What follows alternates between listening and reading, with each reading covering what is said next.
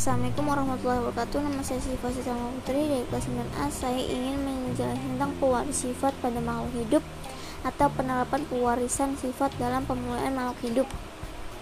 Ada yaitu ada pengertian, keunggulan, contoh, uh, dan tujuan dan lainnya.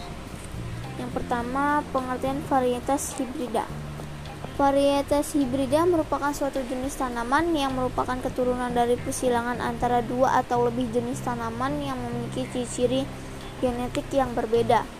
Adapun keunggulan pada hibrida, yaitu varietas hibrida dibuat untuk mengambil manfaat dari munculnya kombinasi yang baik dari induk-induk yang disilangkan.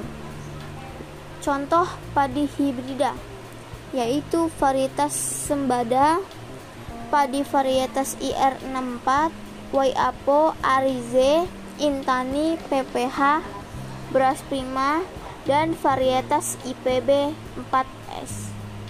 Adapun contoh jagung hibrida yaitu hibrida C1, hibrida CP1 dan CPI2, hibrida IPB4, hibrida Planner 2, Malin, Metro, dan varietas Bima.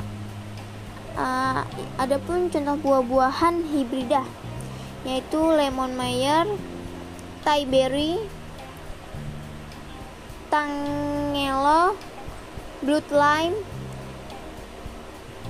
pamo, pomato, kelapa hibrida. Adapun tujuan pemulihan hibrida yaitu untuk menghasilkan hewan ternak berkualitas tinggi. Dan contoh hewan hibrida adalah seperti api, sapi, dan unggas. Yang terakhir, tujuan tes DNA untuk mendiagnosis penyakit keturunan dan mengetahui orang tua dari seseorang anak atau nenek moyang dari suatu keluarga. Sekian dari saya. Wassalamualaikum warahmatullahi wabarakatuh.